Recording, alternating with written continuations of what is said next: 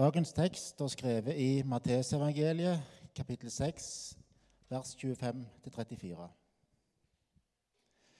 Derfor sier jeg dere, vær ikke bekymret for livet, hva dere skal spise eller hva dere skal drikke, heller ikke for kroppen, hva dere skal kle dere med.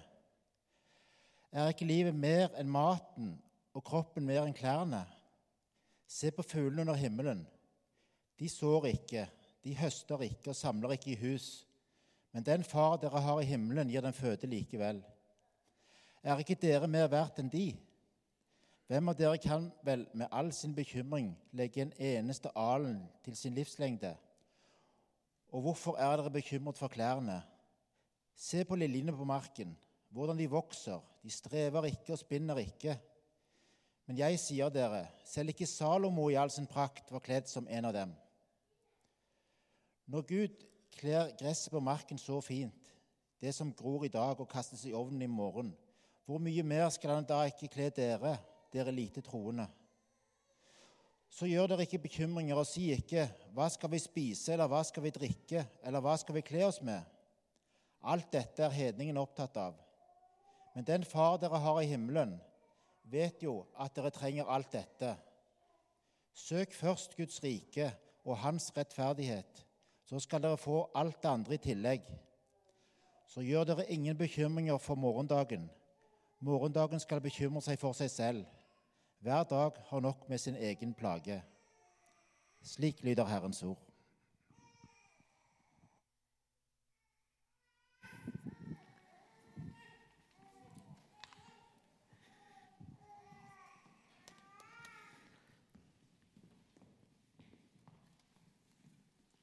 Vi fortsetter på det som er, det som er eh, temarekken for tiden.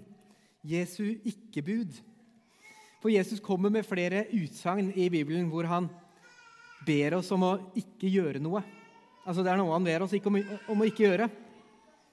Frykt ikke, synd ikke, døm ikke, og nå i dag bekymre dere ikke. Og så skal vi prøve å forstå og føle på kroppen hvordan det, er, hvordan det var å være blant de første som møtte dette budskapet. Vi skal prøve å sette Paulus litt til side, og noen av tingene vi har lært om kristendommen, ta det vekk, og ta Det gamle testamentet bort. Starte litt på scratch. Hvordan ville det være å være en Jesus-etterfølger før Bibelen ble skrevet? De første kristne trengte ikke å bli jøder. Og de trengte ikke å følge alle forskriftene i Det gamle testamentet for å følge Jesus. Det ble sagt at de hadde alt som trengtes for å være en Jesus-etterfølger, selv om de ikke var oppvokst med å pugge loven. For I tillegg til at eh, evangeliet levde på folkemunne, så hadde Jesus gitt etterfølgerne sine noen nye bud. Så det var det de hadde å forholde seg til. Mange kjente ikke til de gamle i det hele tatt.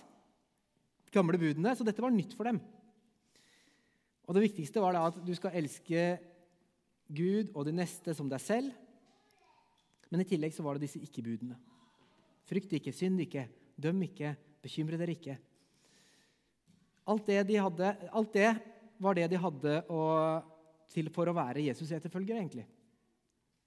Og Den hellige ånd til å lede dem. Men noen av disse budene og utsagnene til Jesus var så urealistiske. Eller de høres veldig urealistiske ut. De ga ikke engang mening før etter oppstandelsen.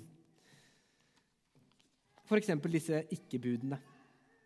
Er det mulig å forholde seg til Jesu ikke-bud? er spørsmålet. Kanskje dere har gjetta ut fra dagens tekst også at vi skal snakke om det som var det ikke-budet 'bekymre dere ikke' i dag. For det var det teksten handla om. ikke sant? Og Dette budet kommer absolutt tenker jeg, i kategorien merkelig. Og kanskje urealistisk. Kanskje. Og vanskelig, i hvert fall. På grensen til umulig. Dette, dette, budet jeg, dette, budet har jeg, faktisk prøvd å gi videre til andre mange ganger. Jeg, jeg, altså, når kona mi bekymrer seg, så kan jeg, på, kan jeg liksom finne på å si Det der, glem det. Det er ikke noe å bry seg om. Bare slutt å bekymre deg. Bare slutt med det, OK? Jeg har erfart at det funker dårlig. altså, å gjøre det på den måten der. Hun blir bare sur. ikke sant? Er, og så er det oftest jeg som sier dette her hjemme eh, hos oss, fordi kona mi har litt sånn mer EQ enn meg. Litt sånn sosial kompetanse. Så jeg kan være litt sånn direkte. Men jeg bekymrer meg, jeg også. Så, og til og med jeg skjønner at min reaksjon ville heller ikke vært sånn OK, ja, jeg skal slutte å bekymre meg. Det er helt greit. Du har rett. Nå slutter jeg å bekymre meg. Og så klikk, slår jeg av den bekymringsknappen. ikke sant? Det er ikke sånn det funker. Og jeg skjønner at kona mi vil egentlig ha omsorg og omtanke når hun bekymrer seg.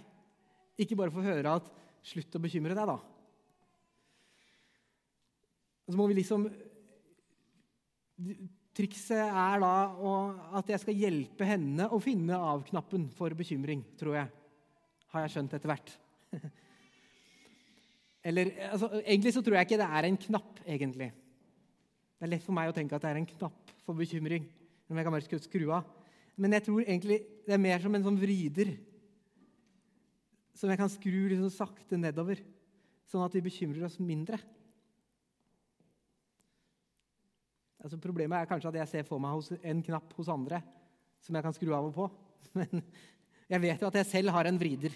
Jeg kan være mer eller mindre bekymret. Det er ikke enten-eller. Og den vrideren den skrur seg gjerne opp på maks når det er noe med barna. eller et eller annet sånt noe. Da Jesus sa dette her, denne, det, han kom med i teksten, så hadde han begynt å undervise folk ny, nylig Begynt å undervise folk. Så teksten er en del av bergprekenen, en av de mest kjente talene fra Jesus. Um, og så tror jeg det er, et, det er, et, viktig budskap. Han tenkte, Jesus tenkte at dette her er viktig, dette må jeg få fram. Så han begynte å tale om dette her ganske tidlig. Han sa det jo ikke sånn som meg. Han sa jo ikke egentlig bare 'slutt å bekymre dere', da. Eh, han sa det heller ikke sånn som vi kjenner de ti bud, som en sånn liste over ting man skal gjøre eller ikke gjøre. En liste over påbud. Nei, han, vi leste jo et helt avsnitt om dette her nå. Han forklarer og forteller med bilder som illustrerer det han mente. Så kommer han med gode argumenter for at vi selv skal kunne klare å skru ned den vrideren slutte eller bekymre oss mindre, er kanskje det. Det var kanskje bedre å si det sånn. Et av disse argumentene kommer her. Jesus visste nemlig noe som vi alle vet, og som de fleste av oss glemmer. Han sa det sånn Hvem av dere kan vel med all sin bekymring legge en eneste alen til sin livslengde? Alen det er jo et lengdemål, ikke sant? Men det han sier her, det er at hvem av dere kan, ved å bekymre dere, legge en eneste time til noens liv? Eller ditt eget? Får du noe lengre liv av, av å bekymre deg? er det han spør om. Er det ikke heller, heller sånn at dere forkorter livet ved å drive og bekymre dere? Ditt eget liv og alle du irriterer rundt deg også, kanskje. Så hvis bekymring ikke har funket, ikke gjort deg noe godt, hvis det ikke har gjort livet ditt bedre, hvis det ikke har tilført noe bra, hvis bekymring heller har gjort det vanskeligere Da tenker jeg jo det er absolutt fornuftig av Jesus å si dette her. Ikke bekymre dere. Vi vet jo at det er godt å slippe å bekymre oss. Men spørsmålet er vel heller hvordan. Hvordan gjør man dette? Hvordan er det mulig? Jeg skal se litt i teksten igjen. For det han sier her, er genialt. Han gir oss egentlig et alternativ til å bekymre oss. Vær ikke bekymret for livet, sier han. hva dere skal spise eller hva dere skal drikke, heller ikke for kroppen, hva dere skal kle dere med. Han går rett på sak og nevner konkrete bekymringer. De handler om framtida, egentlig. Hva dere skal spise, hva dere skal drikke, hva dere skal kle dere med. Han ramser opp bekymringer som tilhørerne hadde. Men de er nok ikke så lett å kjenne seg igjen i i dag, er de det? Jeg, hva jeg skal spise, er ikke akkurat min største bekymring. Og jeg har masse klær i skapet som jeg kan ha på meg i morgen. Det er ikke det jeg tenker på. Folk i det første århundret de ville nok eh, sett på oss Sett på oss og hvordan de går kledd, og si at eh, du har nok ingenting å bekymre deg for. De, du har lagt bort alle bekymringer i livet ditt, ikke sant? Du må være helt fri for bekymringer, du. Er vi det? Og vi ville kanskje svart å nei da, nei, det er vi, det er vi ikke. Jeg har masse bekymringer. Regninger, pensjonssparing, jobben, noen vil fylle en kjæreste, noen har bekymringer i ekteskapet. Noen er redd for at barna ikke har det bra, at de er for mange, at de er for få, at de blir for store, at de er for små, kanskje. At bestemor er blitt gammel. At barna har for tynn dress i barnehagen. At jeg slipper ut for mye CO2, og at Kina og USA ikke får til noen handelsavtale. Det er mye vi kan bekymre oss for. Det er mye vi går og bekymrer oss for. Nei da, det er fortsatt mye å bekymre seg for, ja. Selv om vi, ikke, selv om vi har mat og klær til i morgen. Men Jesus setter det i rett perspektiv for oss ved å si er ikke livet mer enn maten og kroppen mer enn klærne? Han sier, er det ikke sant at livet ditt er mer enn det du bekymrer deg for? Er det ikke sant at hvis du ser for deg det du bekymrer deg for, og selv om du har noen kjempestore og viktige bekymringer, er det ikke sant at livet ditt er større enn det du bekymrer deg for? Er ikke livet ditt større enn det? Jo da, kan vi si. Jo da, det er sant. Men bekymringene er jo der likevel. ok, Jesus? Bekymringene er der likevel. Og så fortsetter Jesus i den teksten her med å fortelle om fuglene på himmelen og blomstene på bakken, akkurat som en annen hippie, på en måte. Som ser på fuglene og blomstene, og alt er bra. Men jeg tror ikke egentlig Jesus argumenterer for en sånn, sånn slags 'don't worry, be happy'-tilnærming til livet. Han ber oss ikke bli som fuglene og blomstene, egentlig som bare lever her og nå, de klarer jo ikke å, bekymre seg, egentlig. Fordi de klarer ikke å se framover. De klarer ikke å bekymre seg for framtida. Kanskje Jesus vil si med dette her, er at du har faktisk en fordel som andre ting i naturen ikke har. Du kan så og du kan høste. Du kan tenke framover, faktisk. Og det er jo velsignelsen og forbannelsen, kanskje. Det at vi kan tenke framover. Planlegge. For det er jo det som også er kilden til bekymringen. Men muligheten er det, er det også. Mulighet, det er en mulighet også. Du kan planlegge for morgendagen. Gud har gitt deg noe som han ikke har gitt til noen annen del av naturen Du kan forberede deg på i morgen. Og så sier han din himmelske far gir dem mat, sier han om fuglene og, og blomstene. Og så er ikke du mye mer verdifull enn de. Er ikke du mye mer verdifull enn de? Det er kanskje spørsmålet vi må stille oss. Og så spør han Stoler du på at Gud kan og vil ta vare på deg. Dette er jo egentlig kilden til bekymringen vår. At vi ser framover, bekymrer oss for framtiden Og spørsmålet er, kommer stoler du på at Gud kan og vil ta vare på deg. Hvis Gud virkelig elsker oss og bryr, oss, bryr seg om oss, hvis vi er skapt i Guds bilde, kan vi ikke da stole på at Gud har vår framtid i tankene? Kan vi ikke stole på at Gud er med oss i vår framtid?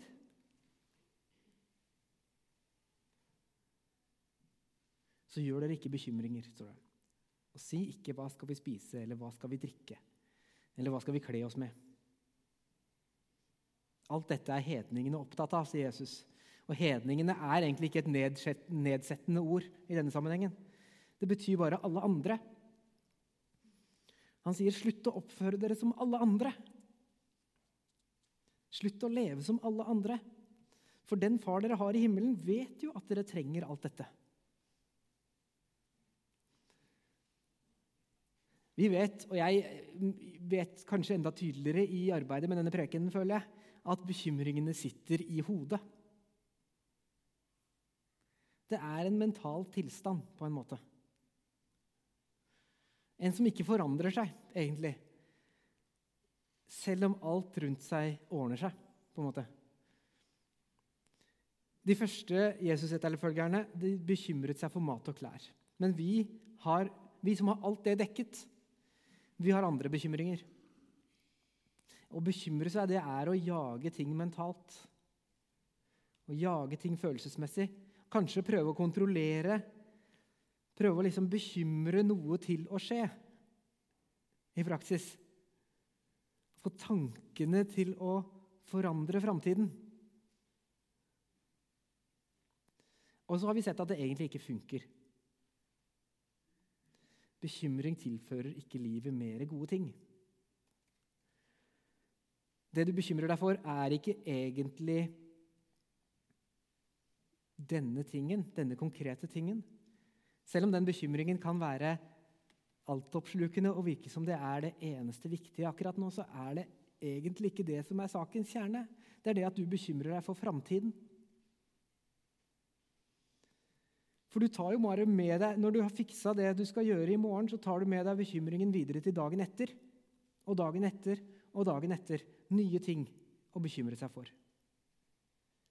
Det du egentlig bekymrer deg for, er framtiden generelt. Men Jesus sier, 'Jeg vil gi deg et alternativ'. I stedet for at du løper etter, i stedet for at du søker først å kontrollere disse tingene, som du nesten ikke har kontroll over. Så sier han dette. Og Det er et av de mest kjente versene i Det nye testamentet. Jeg vil at du, skal, at du først skal søke Guds rike.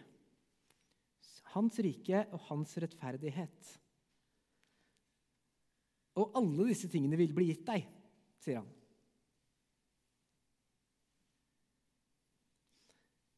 Helt mot slutten av uh, disiplenes tid med Jesus da Jesus bare var noen timer unna å bli arrestert, så sa han til, til dem Jeg skal forlate dere.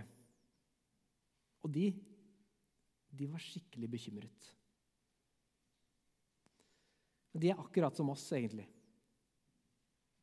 De er bekymret. Så sa Jesus, la ikke hjertet bli grepet av angst. Tro på Gud og tro eller stol på meg, sa han. Stol på Gud og stol på meg. Og Så forteller han dem om Den hellige ånd, som skal være med dem. Og helt til slutt så kommer han tilbake til det samme temaet. Og så sier han, 'Fred etterlater jeg dere. Min fred gir jeg dere.' Ikke den fred som verden gir. Ikke den type fred der du må liksom kjenne framtiden for å få fred. Jeg gir dere en annen slags fred, sier Jesus. La ikke hjertet bli grepet av angst og motløshet. Ganske viktig del av det Jesus kom med. Og så ble han korsfestet og døde. Og alt ble usikkert for disiplene. Disiplene de gjemte seg alle sammen. ble liksom rammet av angst og motløshet med en gang. De var så bekymret for sin egen framtid at de gjemte seg. Men så sto Jesus opp fra de døde, og plutselig, i et øyeblikk, så ga det hele mening. Det med å ikke bekymre seg for morgendagen. For når, du, når noen kan forutsi sin egen død og oppstandelse før det skjer, og de har fortalt deg at du trenger ikke å bekymre deg for i morgen, da tror du på det. Sånn var det i hvert fall for disiplene. Disiplene hadde møtt og vært sammen med og spist med sin oppstandende frelser.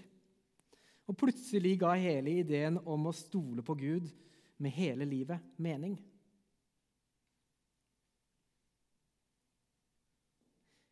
Ikke bekymre deg.